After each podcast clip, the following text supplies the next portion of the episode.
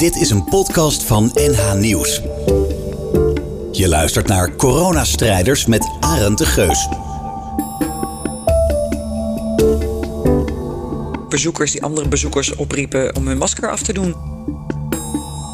We hebben wel een situatie gehad waarbij er een meneer flink begon te schelden tegen de vrijwilliger. En uiteindelijk heeft een beveiliger ingegrepen om eh, de vrijwilliger daarin te ondersteunen. De patiënt van mij die ging heel slecht. Uh, die zou komen te overlijden. Twee mensen mochten afscheid komen nemen. En toen stonden er drie kinderen en toen mocht ik maar twee mensen binnenlaten. Op dat moment stond ik daar wel alleen voor. Corona heeft een enorme impact gehad op onze hele provincie. In deze podcast kijken we in een aantal afleveringen naar wat het betekent voor de Noord-Hollandse ziekenhuizen, hun medewerkers en de zorg die zij verlenen. Hoe ziet hun werk eruit? Wat is er veranderd? En hoe is nu het contact met patiënten en hun familie en vrienden? Daarover spreek ik met verschillende professionals. Mijn naam is Sandra de Jong. Ik ben het hoofdcommunicatie van het Rode Kruisziekenhuis in Beverwijk. In verschillende functies. Ik ben Petra Dorrestein, receptioniste in het Bovenijsziekenhuis in Amsterdam-Noord. Op verschillende afdelingen. Ik ben Sharon Dauma, verpleegkundige in het Tergooi Ziekenhuis Hilversum op de afdeling long-interne geneeskunde. Uit verschillende ziekenhuizen. Ik ben Inge Lippens, gastvrouw in het Dijklander Ziekenhuis in Hoorn. In verschillende delen van Noord-Holland. Ik ben Marten Boon, serviceleider van het vrijwilligersbureau van Noordwest Ziekenhuisgroep, locatie Alkmaar. Aflevering 2. Bezoekers. Bezoekers zijn alle mensen die bij ons binnenkomen, zowel patiënten. Die uiteraard voor een onderzoek of gesprek in het ziekenhuis komen. Maar bezoekers zijn ook de bezoekers die een bezoek brengen aan de patiënten. Dat kunnen familieleden zijn van de mensen die in het ziekenhuis opgenomen zijn, of begeleiders uh, van mensen die onze zorg bezoeken. Die begeleid ik naar de desbetreffende afdelingen. Uh, mensen zijn toch een beetje gespannen, weten vaak niet de weg door alle liften die er zijn. Mensen voelen zich toch wat gelukkiger als ze het niet alleen hoeven te zoeken. Iedereen is welkom bij ons in het ziekenhuis. Nou, voordat uh, corona hier in het ziekenhuis uh, in maart uh, zijn intrede deed, hadden wij een, leuk, druk team waar wij veel evenementen mee organiseerden. Wij waren druk bezig met de organisatie van het zomerfeest, het open huis, een groot arbeidsmarkt-evenement dat wij in huis zouden houden. En eigenlijk viel dat in maart allemaal stil. Dus alle ja, initiatieven die we genomen hadden kwamen tot halt. En dus hebben we ons echt volgestort op een hele goede communicatie over alles wat er rondom het coronavirus gebeurde voor onze collega's, voor onze patiënten en voor onze bezoekers. Voorheen kwamen bezoekers en patiënten het ziekenhuis binnen, werden ze gastvrij ontvangen en werden ze geassisteerd bij de aanmeldzuilen in het ziekenhuis. En nu sinds COVID heeft de organisatie besloten om een triage uh, te laten plaatsvinden bij de ingangen van het ziekenhuis.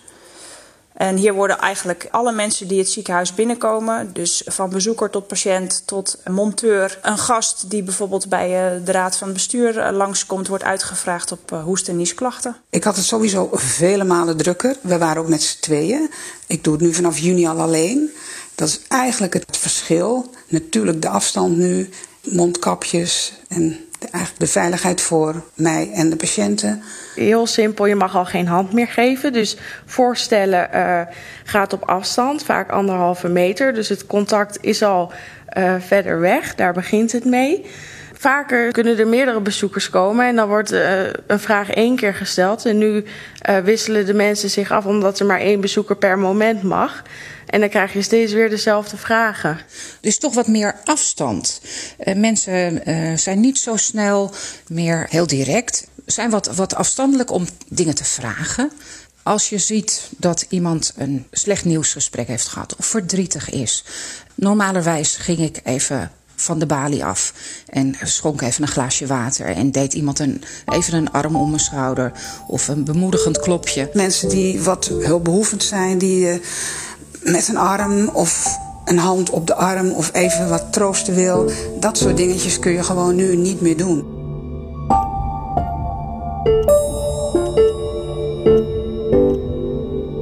Het begin van de coronazorg in, in Nederland merk je dat mensen ook huiverig waren om naar een ziekenhuis te komen.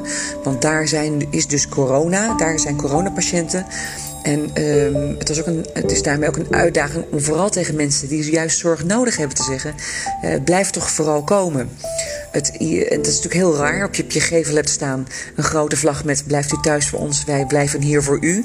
En aan de andere kant wil je tegen iedereen die je zorg nodig heeft zeggen: kom vooral en loop vooral niet te lang door met klachten uh, waar we echt met u uh, naar willen kijken. Voorheen stonden de vrijwilligers bij de hoofdingangen. Uh, om mensen te begeleiden, zeg maar als een soort buddy van de patiënt. Dus een helpende hand bieden daar waar nodig. En nu staan ze daar in een triagefunctie en moeten zij verplicht een uitvraag doen. Dus zij hebben ook niet meer de vrije rol die zij voorheen hadden. Ze staan daar nu echt in een functie die moet. En dan komen de mensen bij ons binnen. Eén bezoeker per patiënt per bezoektijd is natuurlijk niet veel. En uh, we hebben het aantal bezoektijden ook uh, teruggebracht. En dat is er nog maar één op een dag.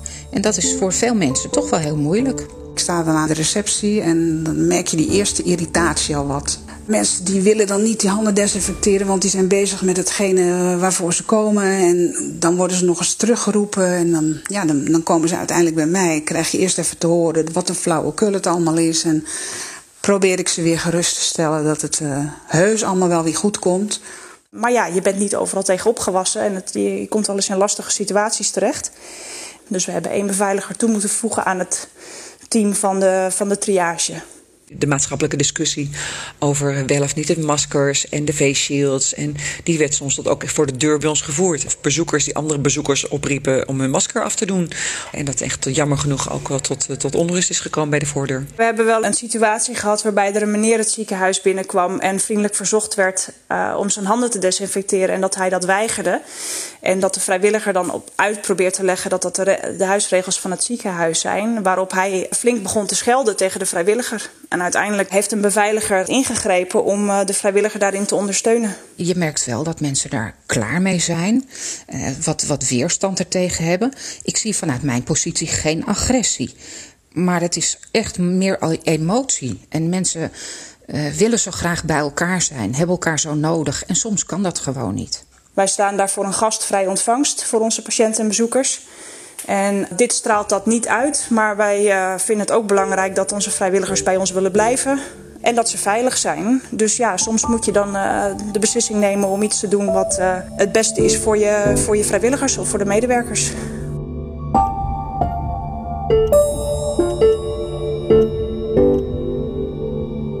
Communicatie veranderde natuurlijk eigenlijk op slag. En wat er natuurlijk ook heel erg snel eigenlijk wel gebeurde, is dat uh, we bezoekregels moesten opstellen. Uh, wat betekent het voor bezoekers in het algemeen aan ons ziekenhuis? Wat betekent het voor bezoekers aan mensen die in ons ziekenhuis liggen? Uh, en er was natuurlijk ook veel ja, onrust nog over hoe kunnen we mensen met COVID wel hun bezoekers laten ontvangen. Maar kan dat überhaupt wel? En het was natuurlijk wel heel erg pijnlijk om te, in het begin te moeten concluderen dat dat het risico, omdat we niet wisten hoe de verspreiding ging helemaal dusdanig was dat er geen bezoekers werden toegelaten. Dat heb ik als verpleegkundige heel erg gevonden. Ja, je, merk, je, je zag de angst bij de patiënt in de ogen, omdat ze zo benauwd waren, zo angstig. Ja, wij waren onherkenbaar omdat je helemaal omgekleed in pak. Je ziet de angst in de ogen van de patiënt en er is gewoon geen, her, geen herkenning voor de patiënten. Ik vind het altijd heel moeilijk als ik zie dat mensen niet aanwezig kunnen zijn uh, met de hele familie als er uh, een geliefde gaat overlijden. En dan voel je de emotie en je ziet het verdriet. En je ziet dan genoeg tranen vloeien in een hal. En dat wil je gewoon eigenlijk niet, want je wil er heel graag zijn voor iedereen. De patiënt van mij die ging heel slecht, uh, die zou komen te overlijden. De arts heeft de familie daarover ingelicht en twee mensen mochten afscheid komen nemen. Dus de familie is naar het ziekenhuis gekomen en toen stonden er drie kinderen bij mij voor de sluis. En toen mocht ik maar twee mensen binnenlaten. Ja, en dat, dat als verpleegkundige doet, heeft dat heel veel met mij gedaan. Zulke slechte boodschappen communiceer je natuurlijk als, als eerst persoonlijk. Dit is een persoonlijke communicatie tussen artsen, behandelaren en uh, familieleden van mensen die opgenomen worden. Omdat je natuurlijk heel erg goed moet kunnen verklaren uh, waarom het zo is. Het zijn natuurlijk geen fijne mededelingen die je doet. En in een persoonlijk contact kan je dit soort dingen het beste verklaren. Wat wij vanuit communicatie dan daarbij deden, is dat we ook zorgden dat de mensen het konden herlezen. En ook dat wij mee hebben geholpen aan de brieven die door onze longartsen werden opgenomen opgesteld over ehm, een soort ja, een overlijdensprotocol bij, bij corona, bij COVID. dat hebben wij wel met tranen in de ogen zitten doen hier. De wetenschap dat mensen met zo'n boodschap, zo'n schrijven naar huis zouden gaan, dat heeft ons diep geraakt. Heel veel emotie en onbegrip bij de familie, woede. Op dat moment stond ik daar wel alleen voor. Ik ben heel rustig gebleven. Als eerste heb ik verteld dat ik heel goed kan voorstellen um, hoe het is voor hun in, in zo'n situatie. Maar aan de andere kant moest ik ook vertellen waar, waarom we dit doen als ziekenhuis. Want dit is ook zeker niet ja, mijn eigen keuze geweest of de keuze van het ziekenhuis. We hadden geen andere keus. Op dit moment kan het niet anders. Ze begrepen het ook wel. Maar aan de andere kant is dit een moment waarop zij hun moeder gingen verliezen. En dit momenten kunnen zij nooit meer overdoen. Dat is wel een poos bij mij blijven hangen. Ik heb me ook zelf afgevraagd wat ik zou doen als het een van mijn ouders was. Ik heb toevallig zelf een zus en een zusje. En wat als ik zelf in zo'n situatie zou staan, dan zou ik ook niet weten hoe ik daarop zou reageren. Of ik zo rustig zou blijven. Ontzettend hard. Hartverscheurend, echt waar.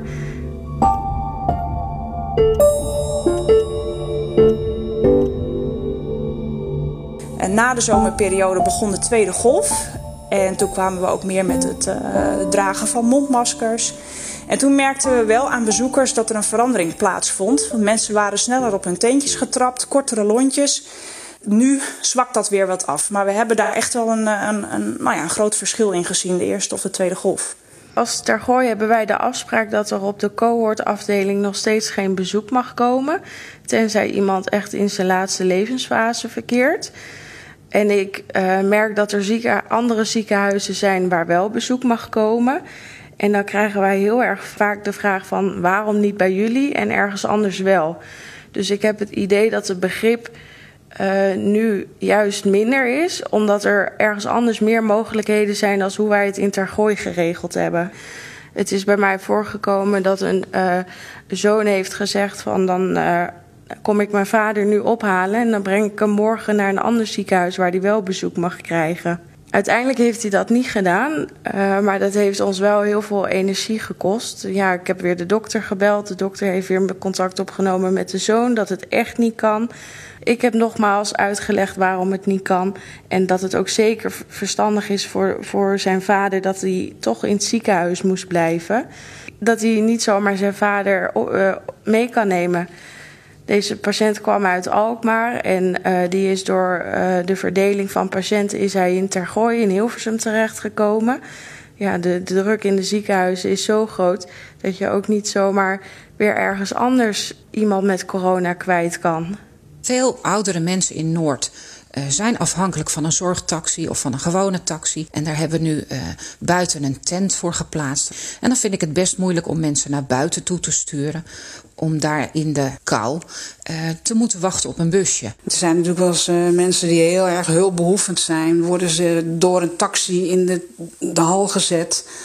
Mensen weten niet waar ze heen moeten, van zoek het maar uit. Dat vind ik zo sneu dat mensen dan niemand hebben om uh, met ze mee te gaan. Al is het een buurvrouw of uh, dan uh, denk ik van goh, zou die dan of zij niemand hebben die even met ze mee kan? Dan ga ik toch met ze mee. Dan zal ik de afstand niet altijd anderhalve meter houden, maar ik ga ze toch zo ver mogelijk begeleiden. Dat vinden ze fijn. Echt 6000 keer bedankt. Ik heb een keer een hele nerveuze meneer gehad die voor een scopie moest. En die eigenlijk niet naar boven durfde. Nou, begon dan over de lekkere keuken waar je doorheen gaat. Wat voor hem heel moeilijk is, omdat hij al heel lang niet gegeten heeft. En we gingen over van alles en nog wat praten. En we waren op de zesde verdieping en hij zegt: Ik ben helemaal vergeten waarvoor ik kwam. Kijk, dat vind ik gewoon wel hele leuke dingen. Dan uh, even zijn angst bezetten.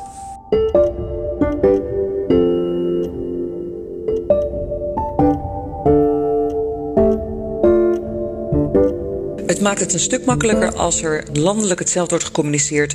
Of toen uh, de mondkapjes werden ingevoerd in de regio, dat dat een regionaal besluit was. Dat maakt niet dat je moet uh, horen van goh, in Alkmaar mag iets wel en in Haarlem mag iets niet. En in Beverwijk zeggen ze ja, uh, maar in Den Helder zeggen ze nee. Als je dat gewoon als regio met elkaar kan besluiten, sta je veel sterker. En dan is de boodschap ook gewoon veel helderder voor bezoekers en patiënten en collega's. Daarmee hopen we in ieder geval dat er gewoon veel minder, minder discussie aan aan de deur zal zijn. Wat we wel merken al de laatste tijd is dat mensen al steeds meer gewend zijn geraakt aan het dragen van een mondmasker. Je ziet nu heel vaak op de reguliere afdeling als er bezoek is. Uh, dat ze toch het mondkapje afdoen als ze eenmaal bij de patiënt zijn. Vaak zijn de patiënten wat ouder en wat hardhorender. Dus dan is uh, communiceren met een mondkapje op lastig. En dan sprak je bezoeker wel van op aan van goh, graag het mondkapje ophouden. Maar nu is het echt verplicht, dus dan uh, zullen ze ook wel moeten. Ik denk dat het voor ons ziekenhuis niet veel verschilt, want wij hadden al vanaf 1 oktober een dringend advies om een mond-neusmasker te dragen. Als mensen bij uh, entree geen mond-neusmasker bij zich hebben, dan hebben wij er een bij de hoofdingang, bij de entree. Als mensen geen mond-neusmasker willen dragen, dan uh, weigeren wij ze de toegang tot het ziekenhuis. Als iemand alleen maar een afspraak heeft. Maar is er acute zorg nodig, dan maakt dat niet uit. Acute zorg gaat altijd voor. En dan is er geen verplichting van het mond-neusmasker.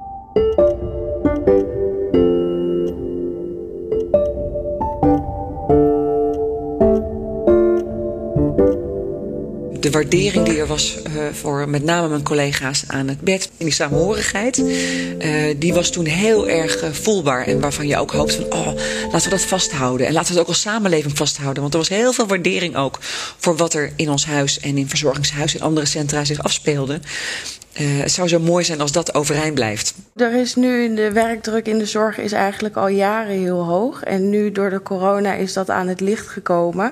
En denk ik dat mensen meer zicht hebben op uh, wat er in de ziekenhuizen speelt. En uh, ja, dat ze dan wat meer begrip hebben uh, voor de, de verpleegkundigen of het ziekenhuispersoneel. Ik denk dat er op een gegeven moment toch weer een zekere regelmaat is van voor corona. Daar heb ik ook vertrouwen in eigenlijk. Wat denk ik voor ons het grootste verschil zal zijn ten opzichte van voor COVID, is dat we best wel veel vrijwilligers kwijt zijn. En misschien ook nog wel nog meer gaan raken door de maanden dat zij uh, nog niet terug kunnen in hun, in hun huidige functie in het ziekenhuis. Wat ik denk dat een hele goede uh, vooruitgang is geweest in de afgelopen maanden, is dat heel veel zorg uh, gedigitaliseerd is. En dat betekent niet dat je een mailtje of een appje krijgt, maar dat heel veel zorg op afstand kan worden verleend. Misschien het, uh, het bezoek wat wat gedoseerder komt. En dat dat een fijn, uh, fijne bijkomstigheid hiervan is. Maar ik denk niet dat er heel veel verandert. Bepaalde regels waren er al. Misschien zijn ze nu worden ze wat, wat meer gehandhaafd. Ik hoop dat we weer de persoonlijke hoofdreceptie kunnen worden zoals we waren. Ik denk dat het bezoek uh, voor patiënten in het ziekenhuis uh, nog groter is geworden. Mensen hebben gezien dat er ineens zo'n virus kan komen, waardoor je zomaar gescheiden van elkaar kan worden. Dat elkaar bezoeken juist belangrijker is geworden. Een voorbeeld dat e-helft ons nu al gebracht heeft, direct gerelateerd aan COVID-zorg, is dat wij vanaf volgende week uh, patiënten van ons die al 24 uur uh, stabiel zijn, wel COVID hebben, maar stabiel zijn, dat die naar huis kunnen gaan uh, met voldoende zuurstof en met contact via een app met onze collega's, artsassistenten, en die op afstand gemonitord worden. Dus je kan in je eigen omgeving aan je herstel werken. Daar word je in begeleid, maar wel thuis begeleid. En dat brengt mensen natuurlijk ook een stuk rust. Dat je niet in een, een ziekenhuis daarmee hoeft te zijn, maar dat je thuis in je eigen omgeving uh, kan herstellen, terwijl je weet dat het ziekenhuis met je meekijkt, met je meevoelt en met je meedenkt. En dit soort toepassingen kunnen natuurlijk gewoon ook doorontwikkeld worden voor andere aandoeningen, uh, hopelijk na een COVID-periode. Dat brengt zowel de specialisten als de patiënten en hun begeleidersbezoekers veel goeds. Je luisterde naar aflevering 2 van onze podcastserie Coronastrijders. Met voor deze aflevering dank aan Noordwest Ziekenhuisgroep, Rode Kruis Ziekenhuis Beverwijk, Bovenij Ziekenhuis Amsterdam-Noord, Dijklander Ziekenhuis en het Tergooi Ziekenhuis. Maar vooral aan hun medewerkers Marten, Sandra, Petra, Inge en Sharon voor het delen van hun ervaringen. Luister volgende week naar aflevering 3, Spoed. Coronastrijders is een serie van NH Nieuws. Abonneer je op deze podcast, dan krijg je vanzelf de nieuwe afleveringen. Teruglezen over de coronastrijders? Kijk dan op nhnieuws.nl/slash coronastrijders.